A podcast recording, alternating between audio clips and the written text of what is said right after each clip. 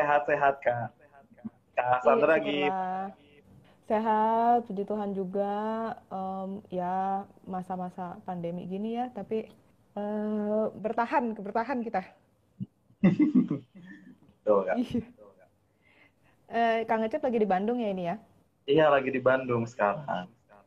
Liburan, apa ada job atau apa nih? Liburan sambil ngerjain kerjaan sebenarnya. Hmm, seru ya kalau misalkan youtuber itu kayak gitu ya kerjanya tuh fleksibel gitu. Enggak juga sih kak. Enggak juga. Dikejar-kejar ini juga ya deadline konten ya supaya tetap ya, ber mengudara. Kang Acep udah berapa lama sih uh, jadi youtuber? Menekuni. Oke, okay, aku mulai aktif kampanye di YouTube. Uh, tahun 2018 kak, bulan September. Belum, eh dua tahun ya, udah dua tahun lewat lah. Ya, tahun.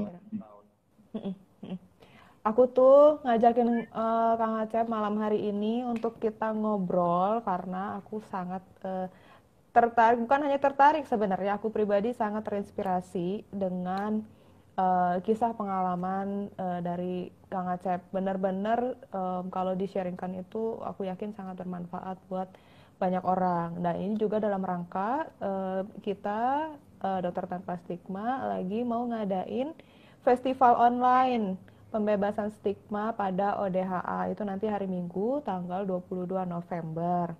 Nah, sebelum ke festival itu kita mau ngobrol-ngobrol dulu nih ngobrol santai dulu pembukaan. Uh, sebelum kita melangkah ke festival itu ngobrolin yang lebih serius-serius kita santai-santai dulu. Uh, cuma pengen sharing-sharing aja sama Kang Acep boleh ceritain nggak? Uh, pengalaman Kang Acep dulu waktu uh, pertama kali itu gimana sampai uh, Kang Acep itu menyadari oh gue kayaknya ada gejala-gejala apa gimana gitu ya. Kok bisa kepikiran sampai uh, kayaknya gue harus periksa HIV nih kayaknya ada yang salah nih gitu. Ceritanya gitu kan uh, apa ya sebenarnya kalau aku pribadi udah sadar ketika ketika sudah melakukan kegiatan beresiko itu aku mulai langsung tes. Itu aku masih ingat tes pertamaku tuh bulan Maret 2018 gitu. Jadi awalnya awalnya aku sempat nyari rumah sakit gitu yang terdekat kampusku karena kebetulan waktu itu aku ngampus di area Ciputat kan Tangerang Selatan. Nah waktu itu sempat nyari rumah sakit, akhirnya nemu lah uh, semua rumah sakit. Nah pas di sana karena aku belum tahu kan kayak aku harus ke ruangan mana kayak gitu gitu. Akhirnya juga langsung ke Polri dan Kelamin gitu. Karena menurutku uh, sepertinya itu ada sangkut pautnya begitu. Nah setelah sampai di polikulit dan kelamin, uh, apa namanya tuh? Uh, ketemu sama dokter juga di sana, terus ada satu pengalaman yang kurang mengenakan awalnya begitu, uh, kurang mengenakan karena juga ternyata juga beliau juga concern soal orientasi seksual dan lain sebagainya. Akhirnya dari situ minta aku cerita juga dan dari situlah terjadi sesuatu yang menurut menurut aku buat aku nggak nggak nyaman gitu loh. Nah karena aku ngerasa di sana nggak nyaman, meskipun waktu itu juga dokternya langsung ngasih apa sih namanya tuh ngasih surat semacam apa yang harus diujikan itu uh, apa gitu ya? Rujukan ke laborat gitu. ya. Ya, tapi sebelum itu juga akhirnya aku disuruh ke satu ruangan yang khusus untuk penanganan HIV gitu kak. Nah lagi-lagi pas di ruangan tersebut ketemu lagi dokter dan akhirnya ternyata sikapnya memang ada jauh beda begitu. Akhirnya dari situ yang awalnya harusnya aku langsung ke laboratorium, akhirnya dari situ aku memutuskan untuk pulang karena aku takut gitu loh seandainya nanti aku positif terus juga uh, ngambil treatment di sana aku takut ketemu dokter itu lagi begitu nah singkat cerita akhirnya aku nemulah satu rumah sakit. Kebetulan di akhirnya aku nemu di rumah sakit Karolus uh, Jakarta Pusat. Dari situ akhirnya aku datang ke ruangan rumah uh, apa ruang Karno namanya. Itu aku awalnya nemu di blog blog terus juga uh, dikasih tahu teman-teman juga gitu. Kalau salah satu rumah sakit rekomendasi Karolus katanya. Datanglah ke sana terus akhirnya juga uh, di tes dan hasilnya uh, negatif. Non non reaktif nah karena non reaktif uh, akhirnya juga dokter minta aku tes lagi di bulan September. Jadi nunggu enam bulan terus aku tes lagi dan akhirnya di situlah pas September baru rapor HIV. Hmm, nah dari ceritanya Kang Asep, uh, aku mau tanya beberapa hal dulu nih.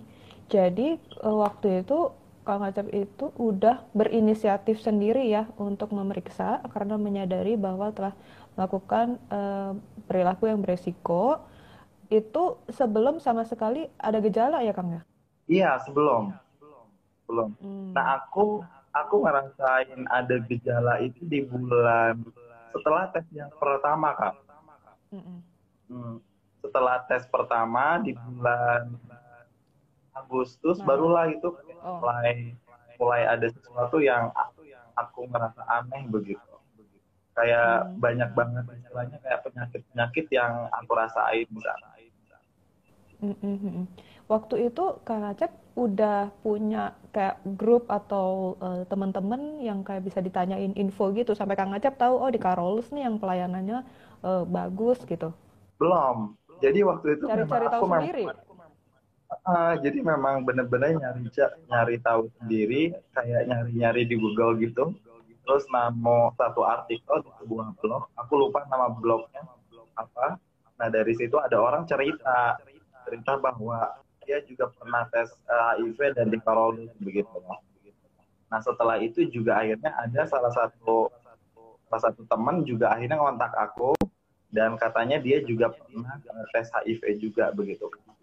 Hmm, nah ini cukup menarik nih karena uh, kisahnya uh, Kang Acep, pengalamannya Kang Acep ini bahkan sebelum ada gejala, belum ada masalah apa pun di fisik, tapi Kang Acep berarti sudah terinformasi bahwa uh, kalau uh, melakukan kegiatan-kegiatan yang beresiko itu bisa uh, Eh, tertular salah satunya HIV di antara infeksi menular seksual lainnya gitu ya.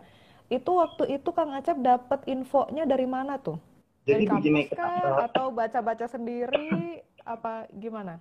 Jadi setelah aku merasa melakukan kegiatan resiko secara berulang, aku mulai kayak mikir mikir terus kayak kira-kira apa yang aku lakuin ini tuh sebenarnya akan ada dampak sesuatu nggak sih gitu akhirnya dari situ aku googling gitu kan googling ternyata memang dari dapat uh, informasi-informasi dari ya web apa beberapa website blog-blog orang gitu loh melakukan kegiatan berisiko seperti ini nantinya kemungkinan awalnya tertular dari situ di situ. Hmm. Nah, ini juga jadi berkaitan nih sama aktivitas Kang Acep sekarang kan. Jadi uh, kita mungkin uh, kita ini masuk di generasi milenial ya, Kang. Boleh lah ya kita disebut generasi milenial gitu ya. Nah, Kang Acep sendiri mendapatkan informasi soal HIV itu juga dari uh, internet kan ya. Nah, sekarang uh, setelah uh, Kang Acep uh, positif dan terus tergerak untuk memberikan edukasi ke masyarakat tentang HIV juga lewat uh, internet gitu. Nah itu Kang Aceh bisa ceritain nggak waktu itu gimana ceritanya?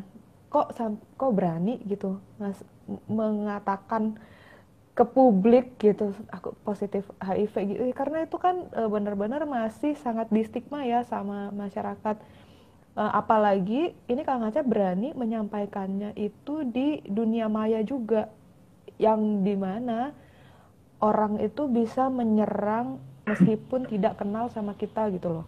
Nah waktu itu tuh perjalanan pengalaman Kang Acep itu gimana yang ada di dalam pikiran Kang Acep? Ada ketakutan itu atau enggak? Atau uh, apa sebenarnya inspirasinya? sebenarnya begini kak, uh, aku mulai ngupload video sebagai orang yang hidup dengan HIV kayak nggak ada rencana yang wow maksudnya kayak pengen mengedukasi orang gitu gitu nggak ada gitu loh. Tapi cuman kayak oh hari ini hidupku akan berubah uh, uh, karena sekarang aku hidup dengan HIV dan aku pengen bikin diari sebenarnya diari cuman karena aku agak malu nulis akhirnya kayak ya udahlah mending aku record record terus aku uh, upload di YouTube. Nah aku nggak pernah menyangka kalau video yang aku upload itu akan banyak orang yang nonton waktu itu. Karena aku ngerasa juga aku juga bukan siapa-siapa begitu kan. Jadi kalau jadi kalau aku upload pun kayaknya orang juga nggak akan nonton gitu kan nah intinya sih macam untuk dokumen pribadi sebenarnya. Meskipun istilahnya kalau orang udah upload di YouTube kan uh, itu kayak untuk publik kan kak ya gitu loh. Awal ya awalnya memang dari sana begitu loh. Terus juga karena akhirnya banyak respon dari teman-teman terutama juga dari teman-teman anak muda dari teman-teman populasi putih begitu loh. Ternyata juga banyak orang yang struggling begitu. Banyak orang yang pernah melakukan kegiatan yang sama denganku yang beresiko tapi mereka juga kadang bingung untuk cerita begitu loh. Akhirnya dari dari sana aku pikir kayak kayaknya uh, yang sederhana itu juga akan sedikit membantu orang lain. Dari sana lah coba untuk uh, bikin kok. Hmm, jadi apa um, awalnya sama sekali tidak ada niatan kayak oh memang mau edukasi masyarakat tentang HIV gitu ya. Awalnya cuma mau bikin uh, diary aja gitu untuk diri sendiri sebenarnya. Ternyata banyak yang relate dengan pengalaman dari uh, Kang Acap ini. Nah um, waktu itu Kang Acap ada mendapatkan kayak tekanan nggak? Atau kayak penolakan? Atau gimana gitu? Waktu si video-videonya Kang Acap ini udah mulai banyak yang nonton gitu? Uh, sikap langsung memang lebih kerasa tuh di di, di lingkungan keluarga sih kak. Keluarga besar. Di waktu itu tuh kalau orang tua sih aku memang sebelum upload pun udah udah ngasih tahu ya. Maksudnya orang tua juga udah udah tahu gitu loh. Cuma kalau keluarga besar mereka itu tahunya justru dari video yang aku upload gitu jadi kami itu di di keluarga kan punya grup WhatsApp gitu untuk keluarga besar. Tiba-tiba di situ tuh ada salah seorang yang share video aku begitu loh. Share link dari YouTube ke grup dan dari sana juga ada beberapa respon. Sebenarnya kalau perbedaan ya adalah sedikit perbedaan sikap dari keluarga besar gitu loh karena juga istilahnya kita tahu lah uh, kalau di masyarakat kita orang kena HIV kayak aib atau lain sebagainya begitu loh. Jadi uh, mungkin juga ada yang ngerasa malu atau apa begitu. Terus juga sebenarnya yang lebih serem itu lebih ke cyberbullying gitu kan. Ya, itu yang sering terjadi terutama di kolom uh, komentar media sosialku, terutama di video-video YouTube gitu loh. Mungkin juga apa ya istilahnya? Ini salah satu hal yang aku sayangkan di era media sosial. Maksudnya kayak hmm. orang kayak nggak punya limit uh, berkomentar atau apa begitu. Sehingga juga ngerasa ah, gue kan udah bikin fake account jadi gue bisa seenaknya bicara yang iya. uh, tentang ini begitu. Loh itu sih. Iya itu dia. Karena uh, kalau di era digital ini itu kan benar-benar problem banget ya jadi orang bisa berlindung di balik anonimitas meskipun itu mungkin nama aslinya dia tapi kan mukanya nggak nggak kelihatan yeah. muka dia gitu kan dia bisa ganti dengan gambar-gambar lain gitu.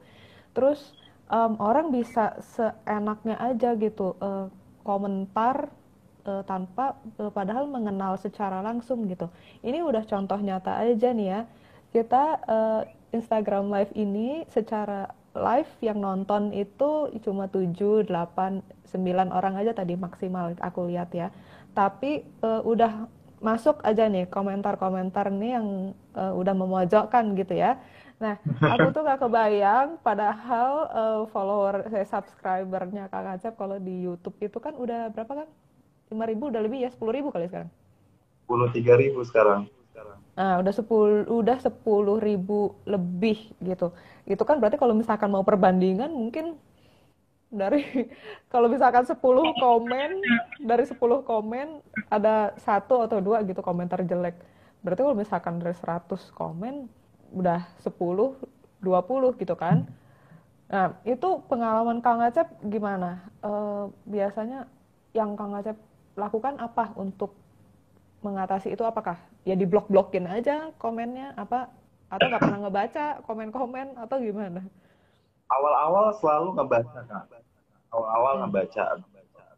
Uh, dan aku pikir aku ngerespon mereka, mereka akan berhenti begitu tapi ternyata enggak semakin kita ngerespon mereka itu mereka semakin menjadi begitu kak itu sih yang aku alamin jadi akhirnya dan pernah aku juga blok ya akun mereka tapi mungkin juga mereka juga bisa bikin account lain kan untuk uh, iya, Uh, komentar-komentar yang hampir sama begitu. Jadi kalau sekarang sih aku jarang baca komentar di YouTube kak ya. Jadi lebih lebih oh ya udah deh pasti kalau orang yang mau sharing atau mau uh, apa ya istilahnya minta pendapat atau minta informasi untuk cek HIV di mana itu biasanya selalu aku minta arahkan ke DM Instagram gitu. Hmm, iya benar karena ini kan kayak um, apa ya dua sisi mata uang ya. Kita nggak mau baca komennya karena menghindari komen-komen jelek, tapi sebenarnya banyak juga kan komen yang positif gitu di situ yang memberikan kekuatan gitu kan. Betul banget kak. Nah kalau menurut uh, Kang Acep sebenarnya teknologi kita yang udah semaju ini sekarang itu memberikan uh, lebih banyak keuntungannya atau lebih banyak memberi um, kejengkelannya ini?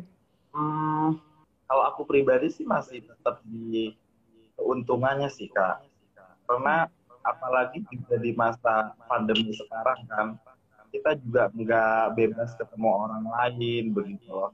Ya salah satu hal yang bisa dilakukan adalah berinteraksi melalui media sosial begitu. Misalkan kita mau konseling, mau apa kan sekarang juga ada beberapa pelayanan psikologi apa psikolog online kayak gitu gitu gitu tentu aja meskipun banyak keuntungan ya uh, kejengkelan-kejengkelan pun ya tetap tetap ada begitu loh kayak misalkan tentang misinformasi soal HIV atau yang kadang masih beredar itu juga kan jadi mempengaruhi beberapa or apa orang-orang juga begitu loh.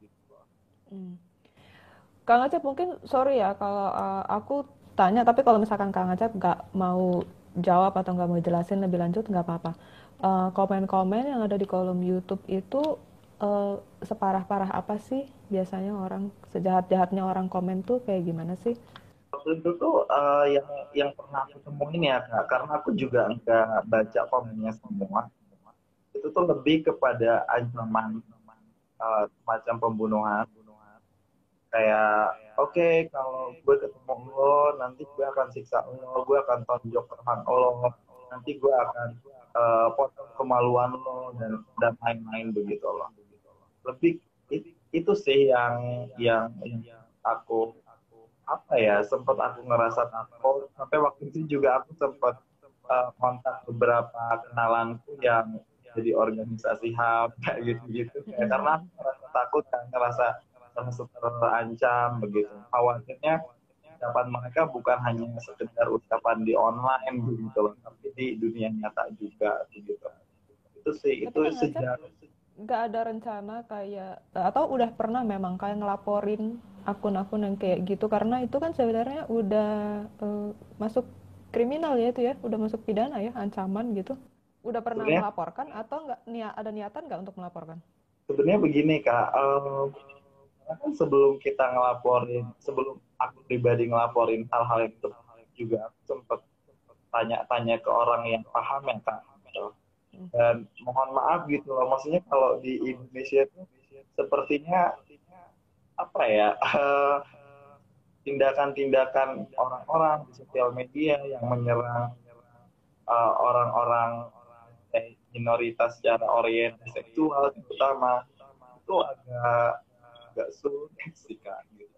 jadi aku juga kadang bingung gitu aku sempat juga kayak ngobrol sama teman-teman yang uh, apa namanya tuh di lembaga kok kayak gitu gitulah gitu dan ya prosesnya memang tidak se sesimpel kita lapor nanti ditindak gitu ternyata tidak sesimpel seperti itu gitu. Mm -mm. dan uh, udah diusahain udah buang-buang banyak energi banyak duit nggak tentu di diurusin juga ya sama polisi-polisi kita gitu ya. Hmm, sorry itu saya ini. Tapi Kang Acep, uh, untuk yang positifnya nih, itu tadi kita udah ngobrolin yang serem-seremnya. Untuk yang positifnya, uh, pengalaman Kang Acep yang menarik atau benar-benar istilahnya heartwarming banget buat Kang Acep. Kang Acep tuh ngerasa kayak oh, aku ini melakukan hal yang uh, benar lah dengan dengan aku mencaringkan pengalaman itu. Uh, ada komentar apa gitu atau respon apa yang pernah uh, Kang Acep uh, dapetin yang positif banget? Uh, sebenarnya lebih kepada pertama mereka berani mau curhat gitu. Jadi banyak banget teman-teman anak muda yang selalu bilang ke aku aku udah enam tahun HIV tapi aku nggak pernah cerita ke orang lain. Sekalipun itu orang tuaku. Karena aku takut dan setelah kamu upload video jadi aku apa ya istilahnya pengen ceritain itu ke kamu karena kamu mengalami itu begitu loh itu yang pertama yang kedua adalah bukan hanya dari komentar sih kak tapi lebih kepada apa ya istilahnya banyak teman-teman baru yang mau temenan sama aku dan mereka uh, kalau kan biasanya aku ngambil obat di Jakarta kayak ya. Terus bulan sekali ke Jakarta. Dan itu kadang juga sebelum pandemi selalu satu dua orang setiap waktu Jakarta selalu minta aku untuk temenin gitu loh untuk tes uh, HIV bareng begitu. Supaya mereka nggak ngerasa takut. Itu sih yang menurutku yang bikin aku tenang banget sih. Jadi malah banyak dapat teman baru ya? Iya uh. hmm. Mm -mm. Kalau dihitung-hitung nih kira-kira perbandingan antara yang positif responnya dengan yang negatif banyakan mana? Sebenarnya kalau dilihat-lihat lebih banyak yang support sebenarnya kak. Hmm. Kalau untuk uh, masalah komentar ya gitu. Kan kan namanya kita manusia kayak kadang juga meskipun kita kan dari 100 komentar hanya 10 komentar yang jelas Nah, tapi pas kita lihat komentar yang jelas, jadi kitanya kayak terlalu fokus gitu loh kak ke komentar yang jelasnya. Dan kadang itu kayak kita ngelupain komentar-komentar yang bagus kayak gitu.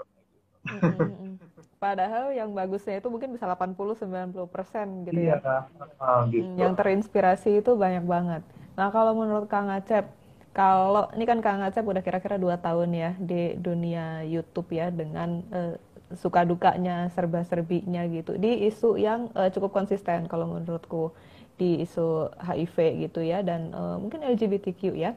Nah Uh, kalau dari pengamatan Kang Acep, sebenarnya dengan kemajuan teknologi seperti sekarang ini, dibanding dulu-dulu sebelum ada YouTube dan media sosial yang lainnya, kira-kira pemahaman orang-orang tentang HIV, tentang uh, kesehatan reproduksi lah mungkin secara luas ya, atau tentang orientasi orientasi seksual lebih maju atau malah lebih banyak termakan hoax nih? Mungkin kalau zaman dulu uh, apa ya? Uh, agak bingung jawabnya sih kak.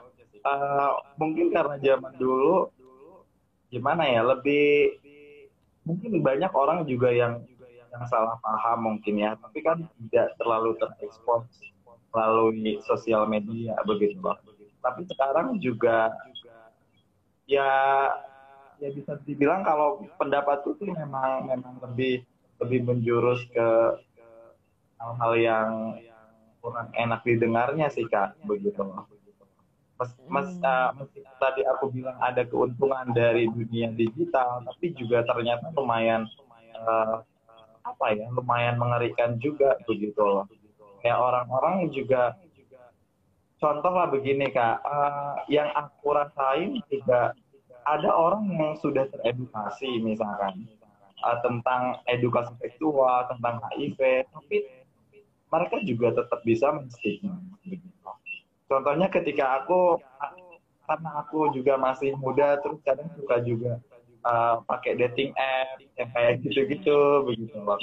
Dan itu sering banget terjadi begitu loh. Aku juga nemuin orang-orang yang pas aku tanya juga, kamu tahu nggak sih uh, ARV, kamu tahu nggak sih uh, U equals U uh, apa un, un, apa itu tuh uh, undetected un, undetected sama dengan untransferable kayak kayak kayak kayak gitu itu juga mereka tahu begitu. Tapi ketika uh, pada kenyataannya juga stigma juga masih dilakukan oleh mereka begitu kak. Jadi aku juga kadang bingung. Karena kan uh, ini kan Kang Acep mengalami sendiri tuh yang waktu pengalaman Kang Acep dulu. Bahkan Kang Acep sendiri mendapatkan uh, informasinya kan dari internet hmm. artinya kan ini adalah suatu hal yang positif gitu kan bahwa sekarang banyak informasi yang orang-orang bisa dapatkan secara mandiri lewat internet. Mungkin kalau misalkan zaman dulu kan orang mau nanya kan takut ya kan? Mau nanya bingung juga mau nanya ke siapa. Terus nggak um, banyak orang yang punya pengetahuan tentang itu. Tapi kan sekarang kalau di dunia internet kan tinggal ketik aja sebentar nggak sampai satu detik udah keluar gitu. Kita bisa bisa lihat informasinya. Tetapi kan kita juga jadi e, beradu nih sama informasi yang hoax informasi yang sepotong-sepotong. Kayak yang Kang Acep bilang tadi. Jadi mungkin orang-orang itu tahu dapat informasi-informasinya tapi nggak kayak nggak lengkap gitu loh. Nggak komprehensif ya, ya. Iya nggak komprehensif. Jadi cuma tahu oh tahu HIV itu apa gitu kan ditularkannya lewat apa. Udah tahu tuh sampai situ. Mungkin kalau dulu bahkan mungkin nggak tahu sama sekali ya. Paling cuma pernah dengar HIV-nya aja tapi nggak tahu itu apaan ditularkannya lewat apa nanti pengobatannya gimana. Nah mungkin sekarang orang udah mulai tahu nih um, ada udah ada ARV-nya kayak gitu. Uh, tapi memang masih masih belum lengkap ya dan ini uh, dan ini jangan jangan kaget juga. Sebenarnya banyak juga tenaga medis termasuk dokter-dokter yang uh, juga banyak belum tahu secara komprehensif gitu. Karena memang tidak semua dokter sehari-hari berinteraksi atau melayani pasien-pasien HIV gitu. Jadi kalau tidak mengupdate ilmunya uh, secara terus-menerus ya akhirnya akan ketinggalan dan tetap akan sama juga dengan yang lain-lain memberi stigma gitu. Nah kalau um, menurut Kang Acep uh, langkah-langkah apa sih yang kita harus bisa memanfaatkan teknologi ini sampai semana sih supaya kita ini nggak kalah suara gitu sama yang hoax itu loh. Caranya gimana nih kita? Mesti melakukan apa? Kalau menurutku sih lebih ditingkatkan lagi ya. Uh, semacam ya kita ada yang contohnya aja kakak kan bikin akun dokter tanpa stigma begitu dan menurutku juga itu salah satu langkah yang keren gitu kak. Maksudnya untuk untuk untuk bertanding dengan informasi-informasi juga kita juga perlu memperbanyak dan apa ya istilahnya harus banyak orang yang mulai muncul begitu kak. Dan juga berkolaborasi begitu supaya orang-orang yang istilahnya misalkan aku sendiri misalnya karena aku juga bukan bukan ahli kayak bukan orang medis kayak gitu-gitu. Dan sekarang juga istilahnya ada salah satu organisasi PBB UNFPA itu bikin satu program uh, apa namanya satu program untuk menginkubasi teman-teman konten kreator gitu yang berfokus pada isu kesehatan reproduksi dan seksual gitu. Nah, aku kebetulan juga join di situ, jadi aku juga mulai banyak belajar gitu, baik dari para ahlinya, dari konten kreator lain. Hal yang seperti itu sih kalau menurut Iya, aku setuju banget ya. Jadi kolaborasi itu menurut aku utama banget ya. Jadi um, thank you banget Kang Ngecep. Selalu support dan apresiasi yang udah uh, aku lakuin di Dokter Tanpa Stigma ya. Tapi um, aku meskipun uh, punya background uh, latar belakang pendidikan sebagai dokter gitu, untuk beberapa topik bahkan bukan beberapa cukup banyak topik yang uh, aku sendiri tuh nggak menguasai termasuk salah satunya yang HIV ini. Karena seperti aku bilang tadi aku tidak sehari-hari uh, melayani pasien HIV jadi aku tidak berinteraksi erat aku tidak tahu perkembangan um, uh, HIV sekarang gitu jadi Nah, yang aku lakukan biasanya kayak gitu kolaborasi, kolaborasi. Nah, um, aku uh, selalu sih berusaha untuk mengajak juga sih teman-teman. Jadi untuk teman-teman itu masing-masing itu jadi agen perubahan ya untuk di hmm. lingkungannya masing-masing gitu. Uh, bikin platform-platform uh, atau media-media seperti Kang Acep bikin misalkan oh sukanya Eh, nggak uh, suka nulis gitu kan berarti kan bukan blog ya platformnya ya oh YouTube gitu. Uh, lebih cocoknya YouTube karena bisa ilustrasi juga bikin video itu atau yang lain-lain. Ya dan uh, dari kita yang kecil-kecil ini kalau kita gabung kita kolaborasi wah itu bakal uh, kenceng banget gitu suaranya gitu kan. Nah kalau dari Kang Acep uh, pernah nggak kalau dari uh, keluarga atau keluarga mungkin ya ada suara-suara sumbang itu yang istilahnya mau mematikan semangat Kang Acep nih? Mungkin bilang e, ngapain sih bikin-bikin video kayak gitu ya? Bikin malu keluarga aja bawa-bawa orang tua lagi sekarang followernya makin banyak lagi bukannya makin ditutup akunnya ada nggak seperti itu? Dan waktu itu Kang Acep eh, berusaha mengatasinya gimana? Karena kalau sama keluarga kita uh, susah ya. Kalau sama orang lain kan kita bisa langsung blok aja ya. Kalau keluarga gimana deh kita nggak bisa blok gitu aja. Ada nggak pengalaman seperti itu kang? Uh, sebenarnya kalau pengalaman itu ada sih kak. Cuman hanya dari perbedaan sikap aja begitu loh. Jadi aku juga ke orang tua selalu bilang kalau setiap orang itu kan punya jalannya masing-masing ya. Selama yang aku tidak tidak melukai orang lain so aku ngerasa aku berhak memilih jalanku. Dan itu selalu aku diskusikan sama orang tua gitu loh. Kalau keluarga besar sebenarnya nggak pernah ada yang komen secara tatap muka gitu. Ada cuman dari perbedaan sikap aja. Kayak misalkan karena keluarga itu semua uh, apa namanya tuh uh, kayak deketan gitu rumah-rumahnya. Kadang kalau misalkan lebaran atau ada um, event keagamaan besar kayak gitu suka suka ngumpul ngumpul bareng begitu. Nah ada beberapa orang yang mungkin belum nerima jadi kayak pas aku salaman tuh mereka nggak mau kayak gitu. Hmm, tapi, tapi mereka sih nggak ngomong secara langsung ya.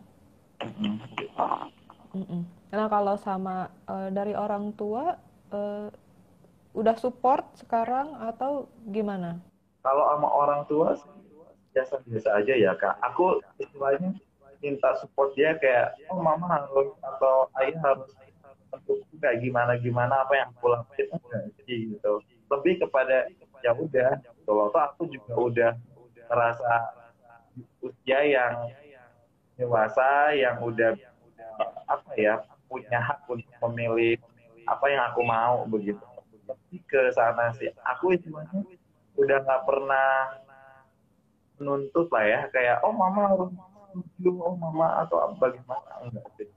Dan nggak pernah di komen macam-macam sih kalau sama orang tua.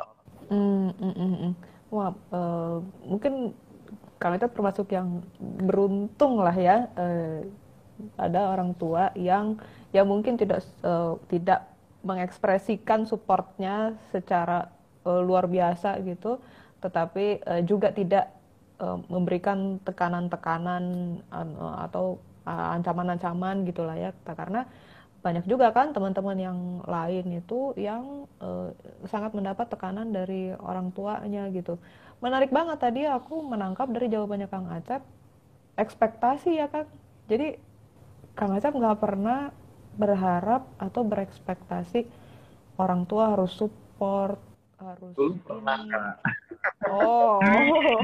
hmm, cuman se seiring berjalannya waktu gitu loh jadi akhirnya aku juga sadar gitu loh kita juga istrinya nggak nggak bisa berekspektasi tidak siapa pun termasuk nggak orang tua begitu kalau aku pribadi ya kan yang penting yang aku jalan sekarang adalah tetap menjalin hubungan baik sama mereka. Nah, Kang Acep, eh, sekarang YouTube-nya udah menghasilkan ya? Uh, kebetulan. Jadi ada tragedi. jadi tragedi. Jadi uh, beberapa awalnya di sini nggak apa-apa ya dikit ya. Apa tuh? Uh, enggak sih. Uh, jadi waktu itu kan di awal-awal memang udah menghasilkan kan. kan ada beberapa apa ya istilahnya namanya di satu komunitas itu kadang tidak enggak satu, satu pemahaman. Mm-hmm. Aku juga istilahnya banyak di lebih diomongin sebenarnya sama beberapa orang yang sama backgroundnya denganku yang ngapain sih lu bikin kayak gituan mm. bukan dokter kayak gitu gitu itu yang agak sedikit bukan sedikit mengganggu ya mungkin sangat mengganggu aku secara mentally begitu loh. Jadi akhirnya kayak aku kayak memutuskan untuk um, ya udah aku hapus itu semua video yang ada di YouTubeku gitu. Makanya kalau Kak Sandra mampir di YouTubeku itu sekarang aku bikin baru lagi kak gitu. Mm, oh my jadi, god Iya gitu. Uh, gimana ya? Aku juga bukan bermaksud untuk mau ngejelekin orang atau gimana, cuman ya um, istilahnya begitulah. Dalam satu, meskipun kita satu lingkaran, begitu kan, satu komunitas, mm -hmm. satu mm -hmm, ada inilah. Begitu. Mm -hmm. Oke, okay, iya, um, memang itu wajar lah ya, biasa terjadi ya, namanya banyak kepala dalam satu grup itu kan kita nggak bisa samain semuanya kan ya. Cuma ya cukup disayangkan waktu itu kan lumayan kan udah banyak video-videonya dan udah lumayan bagus-bagus. Tapi sekarang ngulang lagi ya, jadi udah mulai muncul-munculin lagi ya. Iya. Mm -mm, mm -mm. Jadi aku sih sebenarnya meskipun aku medis gitu ya, aku sih nggak pernah mempermasalahkan gitu kalau misalkan ada orang-orang awam yang mau bicara tentang eh, isu-isu uh, kesehatan gitu, selama uh, tidak menyalahi wewenangnya gitu. Jadi kalau misalkan seperti Kang Acep itu kan, aku sangat apresiasi dan aku sangat suka model-model uh, videonya Kang Acep itu di YouTube karena sifatnya sharing sifatnya sharing pengalaman pribadi gitu kan. Dan itu kan gak ada yang bisa menyalahkan ya kan? Kan itu kan yang Kang Acep alami sendiri gitu.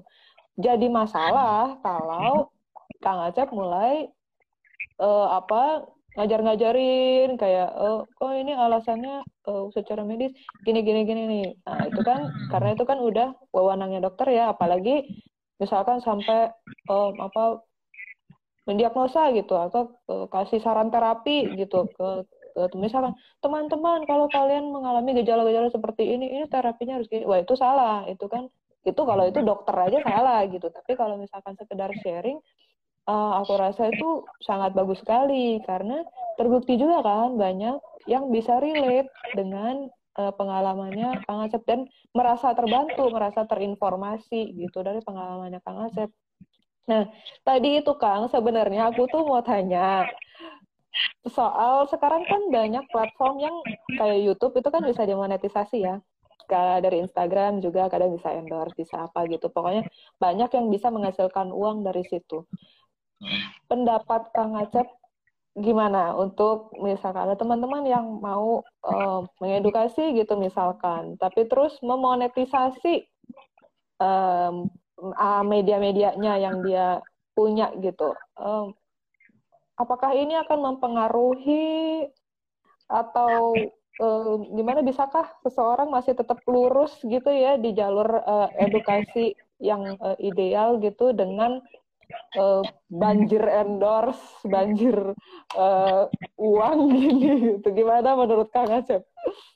Kalau aku pribadi, uh, istilahnya sebagai konten kreator ya kak, um, karena ternyata juga menjadi konten kreator itu kan butuh banyak hal begitu loh, kayak apa uh, sumber bacaan gitu hmm. kan, uh, juga bantuan informasi dan juga sebenarnya modal juga termasuk begitu loh bagaimana orang bikin konten yang bagus juga ternyata tidak lepas dari uh, uh, modal begitu kak. Kalau menurutku, kalau menurutku pribadi orang juga uh, berhak sih gitu loh, tapi tidak harus bisa memilah dan memilih begitu loh. Jadi misalkan karena sering banget gitu loh kak, waktu tahun lalu juga ada yang minta jadi ada satu perusahaan apa gitu ya semacam kayak obat-obatan gitu dan aku juga nggak paham itu obat kayak gimana jadi mereka itu nyasar orang-orang odif nah salah mm -hmm. satunya di Dipo gitu mm -hmm. loh di jadi mereka itu pengen apa namanya tuh uh, jadi aku harus konsumsi obat dari mereka selama tiga bulan supaya meskipun aku audit kulitnya tetap bening katanya tuh kan. Oke. Okay.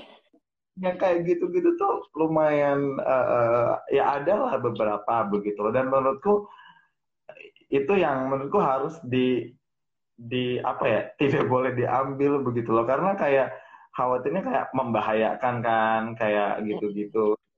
Aku juga aku juga bukan apa ya tidak menafikan ya kak. Aku juga kadang sering ada collab berbayar gitu kan. Ada yang uh, apa ya namanya tuh uh, mengampanyakan apa namanya tuh program dari luar negeri misalkan kayak kayak gitu-gitu tapi kalau sebatas itu aku masih mau gitu loh tapi kalau untuk kayak hal-hal yang akhirnya bisa merugikan orang lain aku angkat tangan begitu. Mm -hmm. Karena sebenarnya dengan monetisasi seperti ini, apalagi kalau misalkan kontennya edukasi ya, uh, itu edukasi HIV apalagi ya, karena kan masih sangat sedikit ya yang mau mengedukasi tentang itu gitu. Kalaupun ada dari yang sedikit itu yang memberikan informasi yang benar itu juga jarang gitu kan. Jadi kalau misalkan bisa dimonetisasi, apalagi uh, subjeknya adalah uh, Odif ya, itu kan sangat uh, sangat membantu ya. Waktu itu Kang Acep kan sangat terbantu pastinya secara uh, ekonomi kan dengan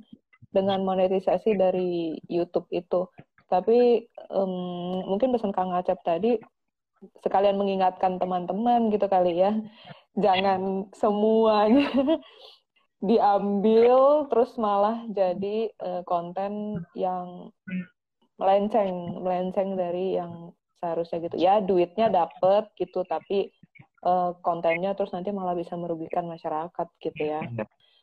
Uh, uh, Kang Acep, Kang Acep mau kasih uh, pesan-pesan nggak sebelum kita tutup ke teman-teman yang mungkin mau mendengarkan yang masih ragu-ragu, masih takut, mungkin mau mau mengedukasi tentang isu ini. Ini kan sangat sensitif ya.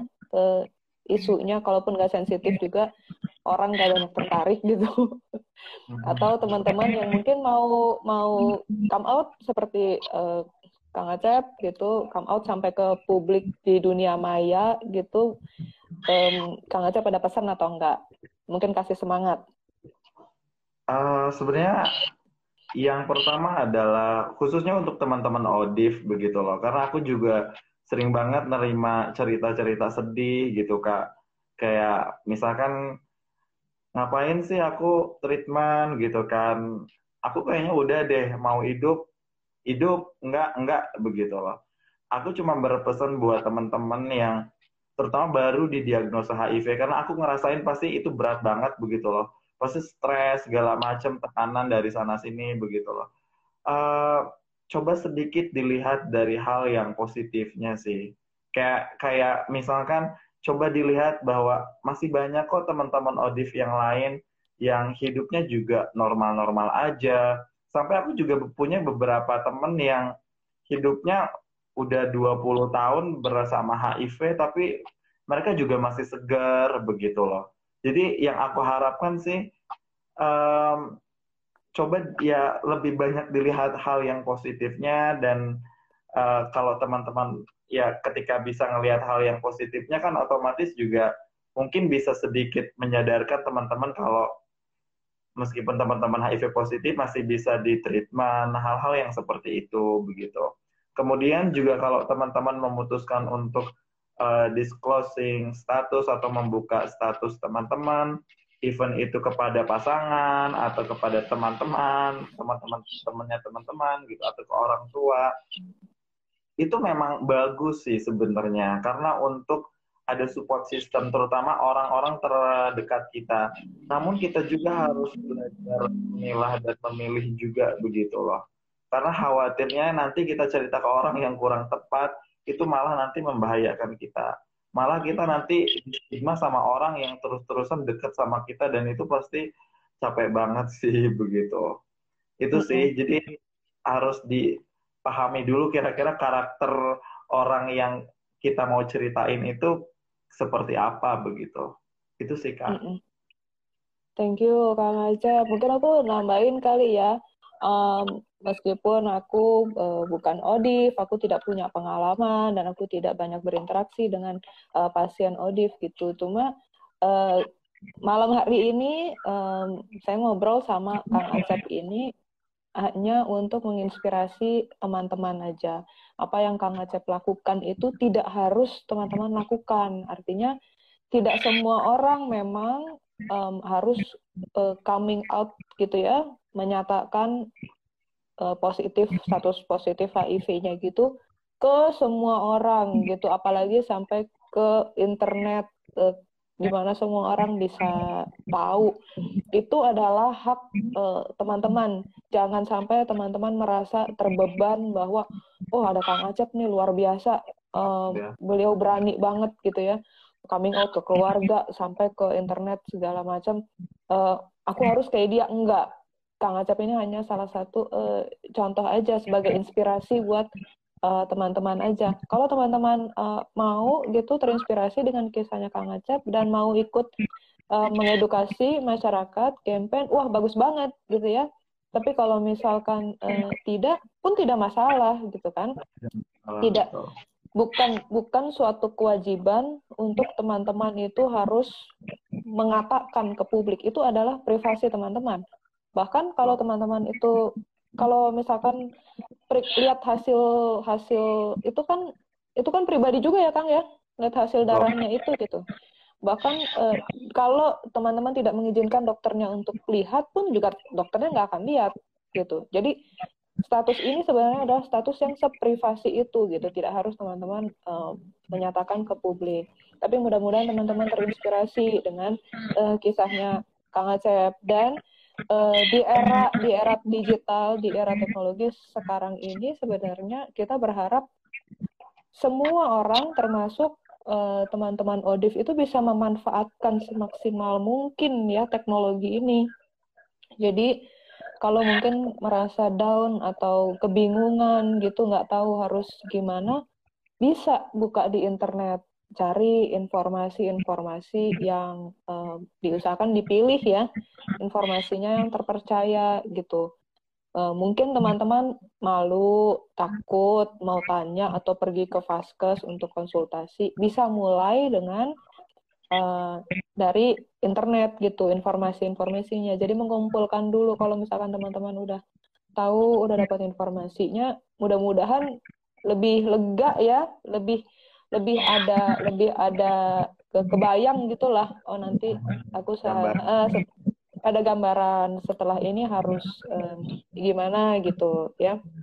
Uh, kalau dari tambahan uh, aku sih itu aja sih uh, teman-teman. Kang Ancet ada mau ditambahin lagi nggak sebelum kita tutup nih?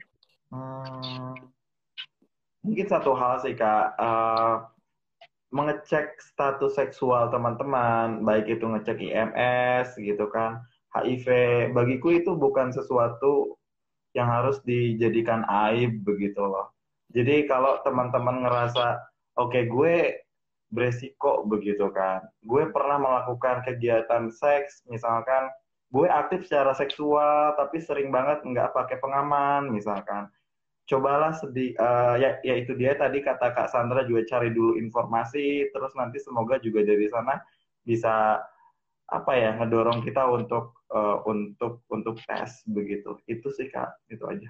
Mm, untuk teman-teman yang um, meskipun kalian tidak uh, apa bersentuhan gitu ya atau belum bersentuhan dengan HIV kalau kalian punya kegiatan kegiatan-kegiatan yang beresiko periksa periksa periksa periksa. Nggak usah malu cari infonya uh, dan pastikan uh, kalian itu aman dan sehat gitu. Kang Asep, sebelum kita tutup aku mau promosi dulu hari Minggu. Nginget, ngingetin teman-teman hari Minggu tanggal 22 November kita festival online ya, teman-teman pembebasan stigma pada uh, eh, ODHA. Uh, teman-teman silahkan ikut, uh, bisa lihat uh, informasinya di postingan di Dokter Tanpa Stigma di situ. Nah, teman-teman bisa uh, cek topiknya apa aja, kita akan ngobrolin apa aja, narasumbernya siapa aja, uh, jam-jamnya, jadwal-jadwalnya, dan teman-teman uh, harus berdonasi dulu. Jadi uh, ada linknya di situ, kalian bisa klik bit.ly uh, uh, garis miring festival online ODHA klik linknya di situ nanti ada informasi kalian harus berdonasi ke mana. Dan dengan berdonasi kalian sudah uh, berhak ikut seluruh uh, rangkaian acara festival sepanjang hari. Satu kali berdonasi aja bisa dapat uh, semua uh, tiket untuk uh, keseluruhan acara. Akan ada empat sesi dari pagi sampai malam lah maghrib jam 6 sore. Bergabung ya teman-teman, seluruh donasinya ini nanti kita akan uh, salurkan ke anak-anak dengan HIV AIDS uh, yang ada di Jakarta, terutama uh, terutama untuk makanan layak mereka dan untuk biaya sekolah mereka di masa pandemi. Itu aja promosinya. Kang Acap, makasih banyak ya udah mau bergabung di festival kita nih. Iya Kak, makasih banyak juga buat kesempatan sharingnya. Iya, aku yang terima kasih banget. Mudah-mudahan teman-teman terinspirasi dengan ceritanya uh, Kang Acep. Sehat terus untuk uh, Kang Acep uh, dan tetap semangat menginspirasi. Jangan dihapus-hapusin lagi itu video-video di YouTube. Kalau memang butuh istirahat, istirahat. Tapi semua karya-karyanya uh, sebisa mungkin jangan jangan lagi, Kang. Jangan terulang lagi tragedi itu. Oke, okay. Kang Acep sehat-sehat selalu ya. Ya, makasih banyak Kak Cassandra okay. juga. Oke, iya kita tutup ya obrolan kita malam ini. Dah, Kang.